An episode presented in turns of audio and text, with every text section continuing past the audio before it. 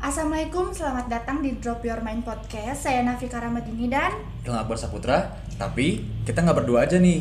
Kita udah ditemenin sama Teh Yani dari angkatan 19. Silahkan Teh, memperkenalkan diri. Hai, perkenalkan, aku Yani Siti Hoironi dari angkatan 2019.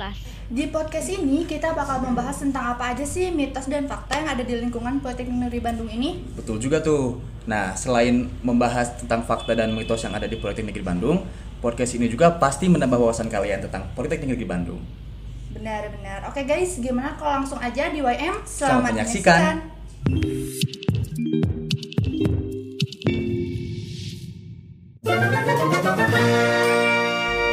Nah, kita langsung masuk aja nih ke statement pertama. Coba, statement pertama ada apa aja sih? Nah guys, untuk statement pertama di sini kita bakal bahas fakta duluan ya. Fakta yang pertama yang bakal kita bahas ada dari Sumka Mutiara Rimba. Katanya Pujasera pernah kebakaran nih. Ini tuh kejadiannya pada tahun 2017 dan bangunan yang sekarang tuh sebenarnya bangunan yang baru ham, beda sama sebelum kebakaran. Nah, untuk statement ini menurut Teh Yeni gimana nih? Apakah ini benar atau enggak? Ini menurut saya sih ini fakta ya, karena emang Pujasera ini pernah kebakaran dan bangunan sekarang tuh emang bangunan baru gitu.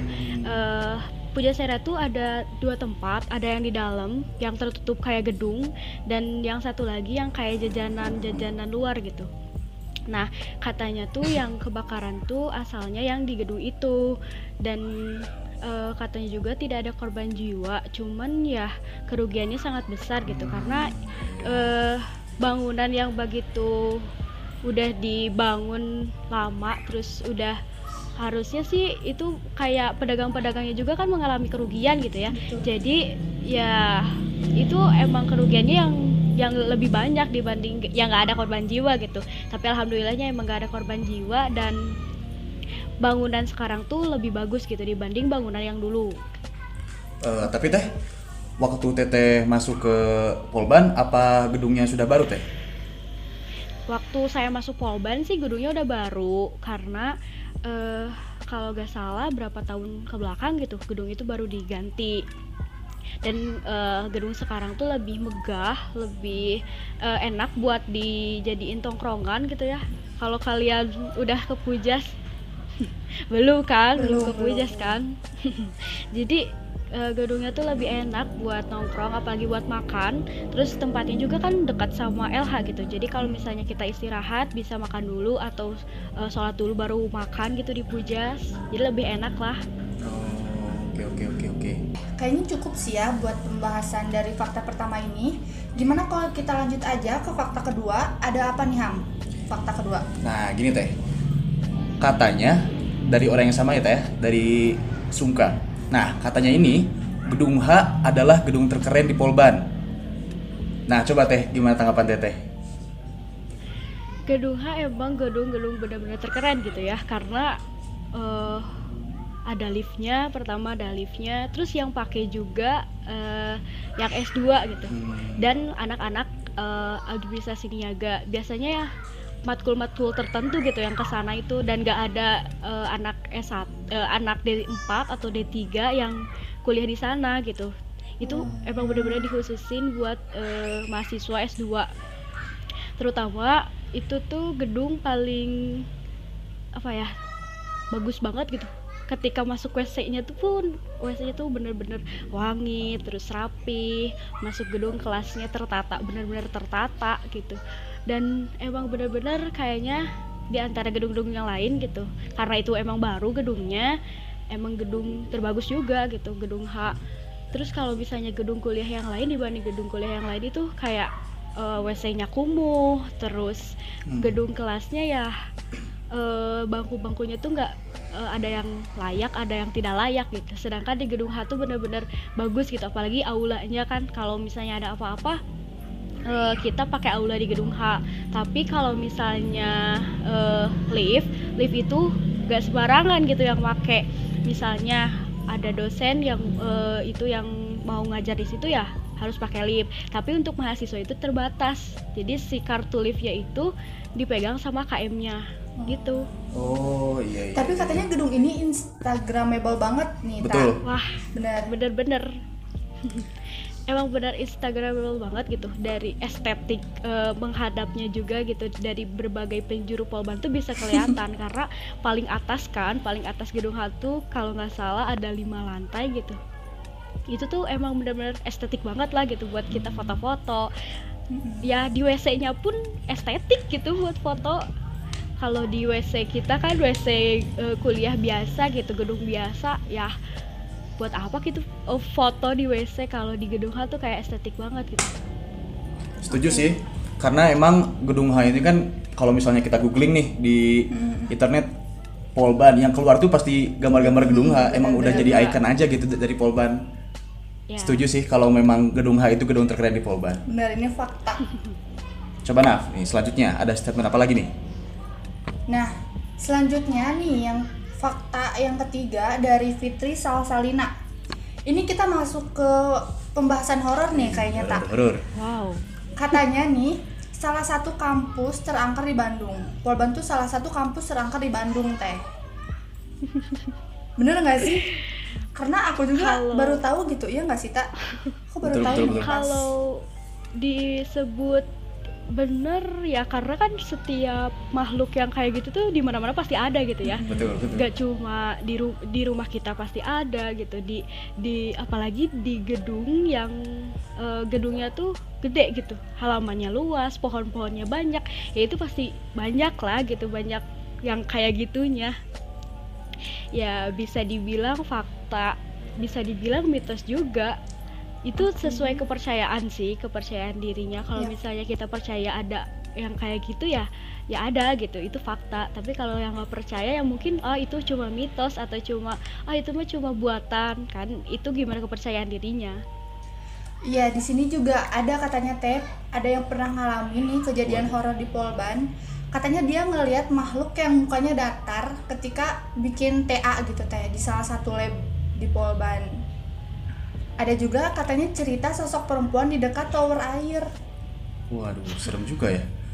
Nah, mungkin eh, statement inju ini juga eh, timbul karena emang kan lingkungan di Polban itu rindang banget ya, banyak pohon-pohon dan memang si gedung-gedungnya juga gimana Jungle gedung-gedung tua, iya. jungle, mm. ya Betul betul. gedung gedungnya tuh pada tua-tua gitu apalagi eh, di sebelah di gedung refri yang deket ke asrama terus gedung eh, hanggar mesin hanggar sipil ah itu udah kayak gak gak terjambah sama manusia gitu karena tinggi banget dan rindang banget Ya, setuju sih benar. Karena Polban tuh di pojok banget nggak sih Iya. posisinya? Betul. Pojok Ya. dan langsung bawahnya tuh hmm, jurang. Mojok. banget Aku aja yang emang belum pernah masuk ke Polban gitu ya, masuk-masuk dalam banget ke Polban. Dari luarnya itu emang udah kerasa aja gitu. Si aura angkernya itu. dideremin gitu kan Jadi emang mungkin banyak yang mengira Polban itu angker ya mungkin karena itu Hmm, betul. lingkungannya Iya. juga itu. Oke, kita langsung masuk ke statement selanjutnya aja nih. Coba ada ada apa lagi Naf? Nah selanjutnya nih ada fakta katanya Polban kayak SMA teh. Hmm. Bener nggak sih teh? Kalau ini aku merasakan fakta banget gitu. Sebenarnya kayak kita tuh eh, SMA dua kali gitu. Tapi ini Betul, versi betul. Betul, bener, SMK-nya gitu. Kayak SMA, SMA dua kali tapi ini tahun versi ya? SMK-nya gitu. Heeh, kita bukan enam tahun lagi mungkin ada yang tujuh tahun karena ada yang D4 kan, Iya, ada yang betul. D4, ada yang D3 gitu. Ini benar-benar kayak wah, kita masuk kita kayak masuk ke kandang harimau gitu yang yang susah lepas lagi gitu. Bener-bener kayak Betul tuh bener. Wow.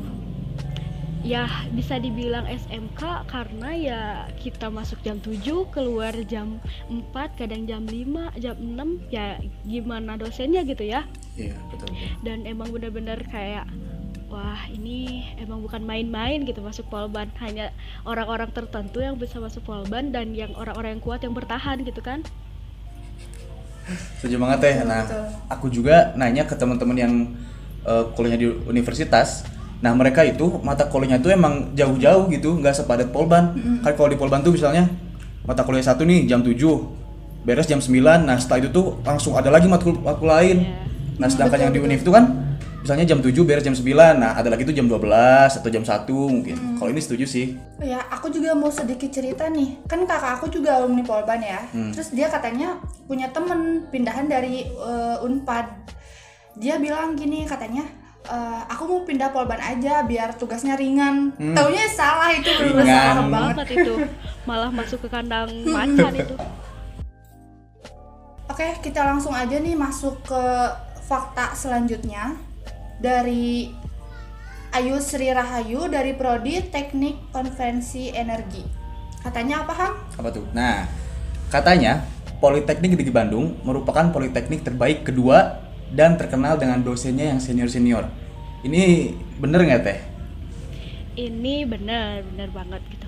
Eh, dosen-dosennya tuh banyak senior senior gitu profesor terus yang yang emang bener-bener dosennya tuh eh, bisa dibilang killer tuh karena emang apa ya karena emang pengetahuannya tuh udah banyak gitu. Hmm. S3 Betul, kan rata-rata di Polban itu S3 dan paling minim pendidikan tuh di S2 mentok-mentok di S2 biasanya ada juga dosen-dosen muda yang di apa dikuliahkan lagi gitu oleh Polban. Dan untuk penghargaan eh, politeknik terbaik kedua di Indonesia tuh emang bener gitu. Kita udah mengalahkan beberapa politeknik gitu. Sekarang kita udah ada di posisi dua. Dan jangan sampai kita turun lagi gitu kan. Gak mau guys politeknik terbaik Setuju, setuju. udah kedua ya turun lagi. Dan dosen-dosennya senior ini emang di mata kuliah mata kuliah kita juga kan memang ada ya. Mm, betul. senior senior pasti banyak sih kalau dosen-dosen senior. Biasanya dosen-dosen senior tuh ngajar-ngajar yang emang pelajaran atau matkul-matkul yang lebih susah gitu kan dibanding Betul, dosen-dosen betul. muda. Bener, dan ini nih kenapa alasan mahasiswa bisa kena mental?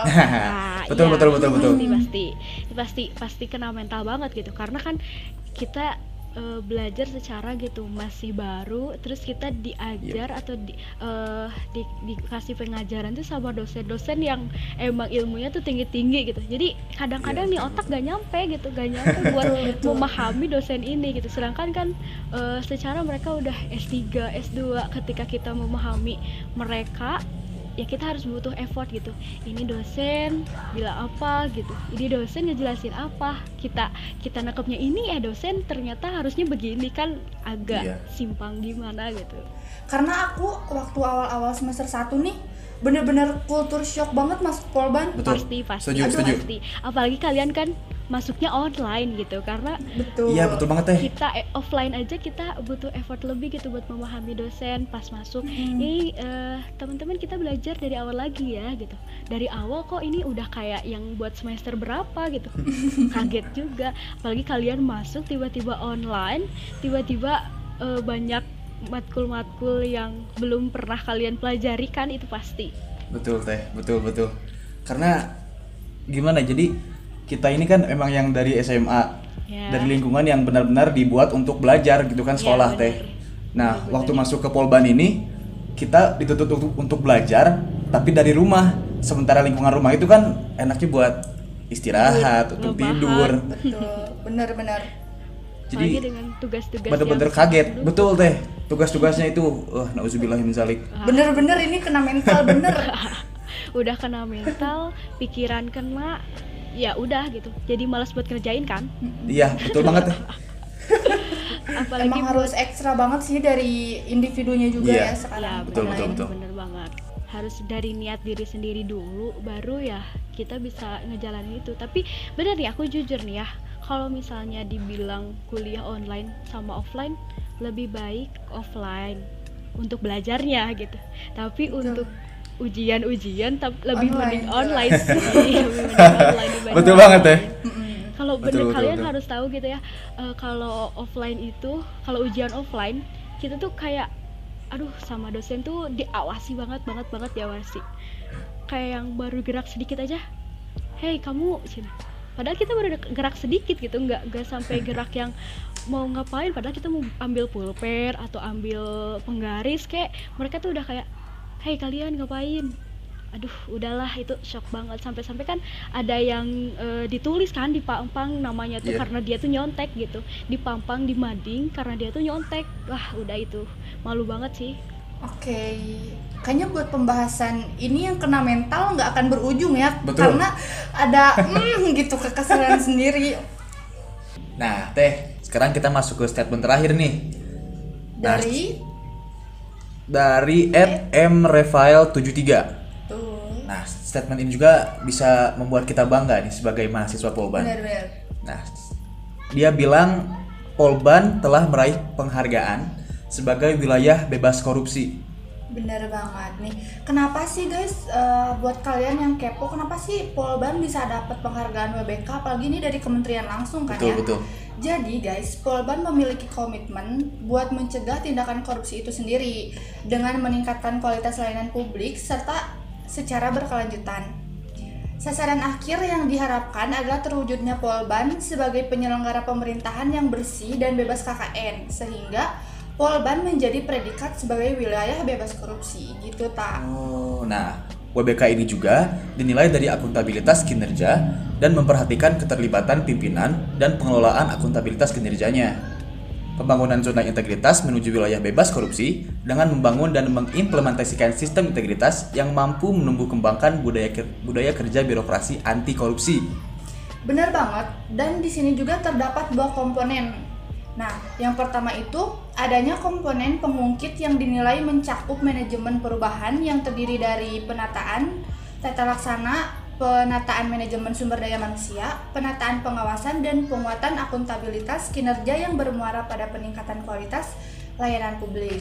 Nah, sedangkan komponen hasil yang dinilai adalah aspek pelayanan publik dan pemerintahan yang bersih dan bebas dari KKN. Reformasi birokrasi adalah salah satu langkah awal untuk Ya. mewujudkan sistem penyelenggaraan institusi. Ya. Wah, ini emang amazing banget ya Polban ya. Benar, keren keren. keren sih Nah, eh, sebelumnya Teteh ya tahu nggak kalau Polban ini meraih penghargaan WBK ini Teh? Kalau jujur sih dari aku sendiri kurang tahu ya eh, dengan adanya penghargaan ini. Tapi eh, kalau untuk eh, ini sih bagus banget gitu ya. Kalau emang bener-bener dapat gitu ya. Kayak Bangga. bangga banget gitu. Dan walaupun ya sebagai mahasiswa sih kita tidak harus ber apa ya berekspektasi tinggi gitu ya eh, tentang hal ini apalagi kan ini namanya itu tidak korupsi gitu ya tapi kan sebagai manusia ada yang namanya suka hilaf gitu atau ada apa gitu ya kita Iya, juga betul, tidak betul. tidak sepenuhnya mempercayai ini gitu kan Betul, betul banget. Nah, ini juga jadi wawasan baru nih buat kalian-kalian benar, mahasiswa. Polban bahwa Polban nih udah meraih penghargaan yang bisa dibilang cukup bergengsi ya. Betul. Sangat Ternyata bergengsi. Polban gitu loh. Iya, betul betul. Karena jujur aku sendiri juga baru tahu nih. Iya, sama. Jadi terima kasih banget buat at mrefile73 itu nambah wawasan banget sih buat kita. Betul, betul, kita ya. betul, betul. Oke, Teh. Sekarang kita masuk ke statement-statement yang katanya sih mitos ya. Mm-mm, betul. Nah, yang pertama ini ada dari Raihan RF LII. Betul. Katanya, jalan asrama jangan pulang lebih dari jam 8. Waduh. Kenapa nih, Teh? Hmm, wow wow wow ini statement horor ya berarti kan? Horor, horor, horor. horor horor kayaknya sih horor harusnya horor kalau jalan asrama tuh horor gitu bukan nggak boleh lebih dari jam 8 cuman yang Nggak aku boleh rasakan seterusnya gitu teh lewat situ. ya kalau nggak lewat situ lewat mana lagi gitu? Cuma Iya. satu jalan itu lewat asrama tuh cuma lewat situ gitu. Bukan nggak boleh lebih dari jam 8 cuman emang vibesnya tuh horornya tuh banget gitu. Kayak kita tuh menembus ke dimensi lain loh. Bener-bener kayak yang dari eh, gedung refri gitu. Gedung refri tuh eh apa itu tuh ada cahayanya masih ada cahaya. Pas masuk ke belokan yang mau ke asrama itu udah full gelap. Dan aku pun eh, kalau lewat situ gitu nganterin temen ya. Karena kan temen-temen aku tuh banyaknya dari anak-anak sama gitu. Nganterin temen sehabis pulang eh, apa? Habis pulang UKM habis pulang UKM aku kan bawa motor bawa motor. Terus bonceng temen gitu bonceng temen pas mau masuk dari refri ke asrama tuh kayak bener-bener ih sumpah horor banget itu. Nggak ada pencahayaan sama sekali gitu. Dan konon katanya yang aku denger juga nih ya yang aku denger ada satu pos ada satu pos kan di situ tuh yang mau arah ke asrama tuh pos itu tuh katanya sering dipasang lampu cuman lampunya tuh mati terus gitu lampunya tuh benar-benar Aduh. eh, dipasang mati dipasang mati dipasang mati. Iya, iya, iya. kan itu agak gimana gitu. Terus eh, pernah juga aku ngalamin mau eh, lewat situ tuh semberbak bau melati. Hmm. Wah, horor banget kan? Bener. melati gitu. Dan orang-orang tuh kalau misalnya eh, nganterin temen nih ya aku nganterin temen ke asrama pulangnya tuh pokoknya harus berdua gitu. Jangan sampai sendiri takutnya wah ada apa-apa gitu. Ada yang naik kan ada yang apa gitu. Jadi hmm, gimana gitu. Jadi harus jadi dari dari apa ya, nganterinnya tuh bertiga pulang-pulang berdua gitu. Jangan sampai aku pulang sendirian kan agak takut juga gitu malam-malam Iya, iya, sendirian. apalagi lewat dari jam 9 jam 10 udahlah itu. Bener-bener horor sih. Nah di sini juga pernah ada yang cerita teh. Di sini ada cerita katanya, aduh gimana ya tahun horor-horor gimana sih? Tak. Pernah Ada- dulu ada- ada backsound nanti. abang ojol. katanya yang nganterin mahasiswa ke asrama. Nah pas pulang ada yang lihat si abang gojek ngebonceng kuntilanak atau pocong. Aku lupa lagi katanya. Nah di jalan Pujasera juga serem katanya. Suka ada yang nampakin gitulah penampakan.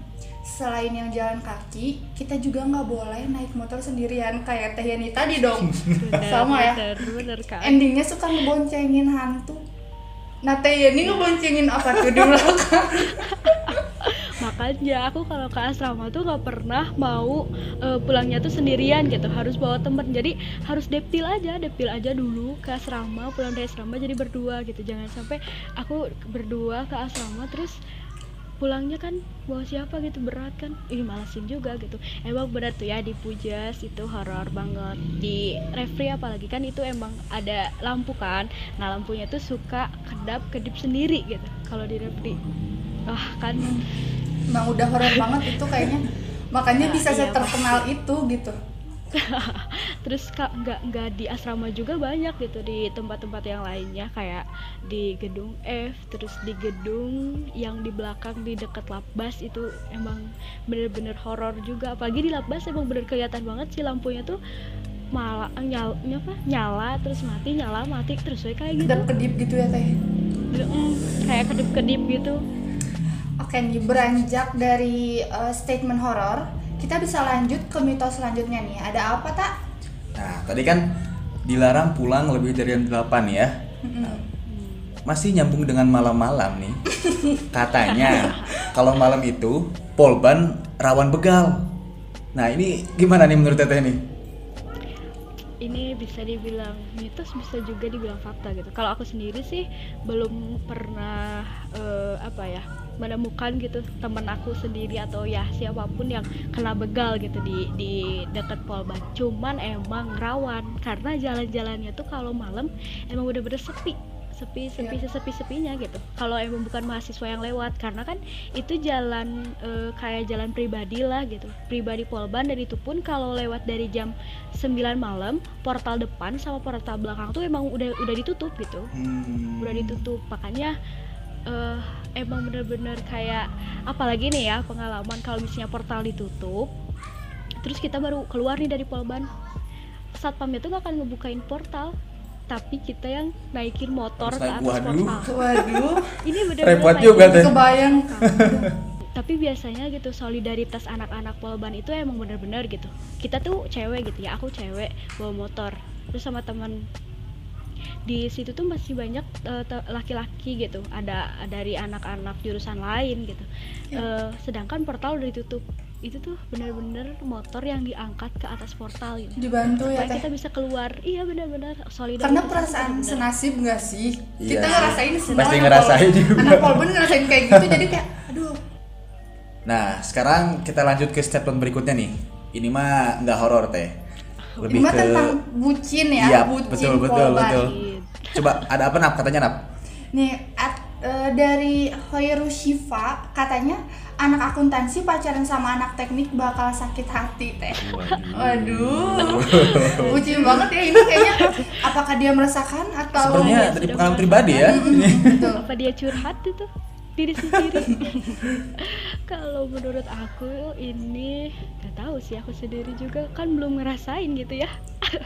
Tapi menurut eh, teman-teman aku yang udah merasakan dia bucin dengan anak-anak teknik gitu. Apalagi yang paling diburu di Polban itu kalau misalnya Anak teknik, anak iya anak teknik gitu. Karena kan anak teknik itu ke sedikit ya ceweknya. Jadi berburunya tuh Betul. ke anak non teknik ke anak akuntansi ke anak Iya, eh, betul, AN gitu ya ke anak Inggris. Pokoknya mah anak-anak teknik itu berburunya ke eh, yang non teknik gitu. Tapi yang dirasakan teman-teman aku sih emang pada sakit hati gitu. Mungkin karena kesibukan anak teknik ya. Mungkin. Mungkin Iya, karena beda juga kesibukan kan anak teknik atau kita. mungkin karena anak teknik eh, di kelasnya tuh susah buat cewek ada cewek gitu. Jadi mereka tuh bercabang gitu kan ceweknya gitu. Ya Waduh, itu bercabang. cabang kan perkuat Waduh. pusat itu perbanyak cabang kan kalau cowok-cowok sekarang.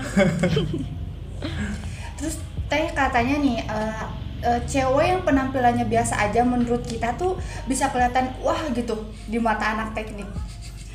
Gitu teh katanya anak teknik emang gitu ya mendang kita maksudnya kayak cewek-cewek yang biasa aja gitu. ya mungkin karena kan di di kelas mereka gitu gak ada cewek gitu bukan gak ada ya jadi minoritasnya tuh Mm-mm, cewek tuh jarang. sangat-sangat minoritas gitu jadi ketika kita yang biasa aja dipandang good looking oleh anak mesin kan wow gitu ya atuh itu mah alhamdulillah gitu buat cewek-cewek Bener-bener. Tapi kesetiaan anak akuntansi juga nggak bisa diraguin Wah, lagi ya bisa. nggak itu, itu harusnya Iya. anak-anak eh, teknik itu harusnya bersyukur gitu dapat dapat anak akuntansi gitu apalagi ya nanti kalau rumah tangga mungkin kita bisa mengatur uang dengan bagus gitu kan ya promosi dikit lah Bener banget. betul betul betul betul. Bener-bener. Anak akuntansi mah kehilangan kehilangan 01 aja tuh dia bakal cari Ya, sampai cari. ketemu Hmm, ya nggak betul. kita. Bisa banget. dibayangin gak sih gimana jadinya kalau dia kehilangan pacarnya kan? Nah, langsung itu itu stalker terhebat itu kayaknya dari anak-anak akuntansi gitu ya. Ketika pacarnya nggak ada ngilang pasti ini ke mana ya? Di sini oh nggak ada ya? Di debit atau kredit nih? Nah teman-teman, akhirnya kita udah sampai di akhir acara nih dari. Drop Your Mind Podcast. Terima kasih telah mendengarkan DYM. Jangan lupa untuk selalu mendukung acara podcast kami dan kalian boleh nih request untuk hal apa aja yang harus kita bahas di podcast selanjutnya. Betul. Nah, kami selaku penyiar dan juga Teh Yani, terima kasih Teh udah mau ngobrol-ngobrol sama kami Teh. Iya sama-sama. Nah, kami ingin meminta maaf nih jika ada kata-kata yang dan ataupun perbuatan yang mungkin menyinggung kalian. Tetap jaga kesehatan, selalu pakai masker, selalu mencuci tangan dan jauhi kerumunan. Kami pamit. Assalamualaikum warahmatullahi wabarakatuh. See you next time.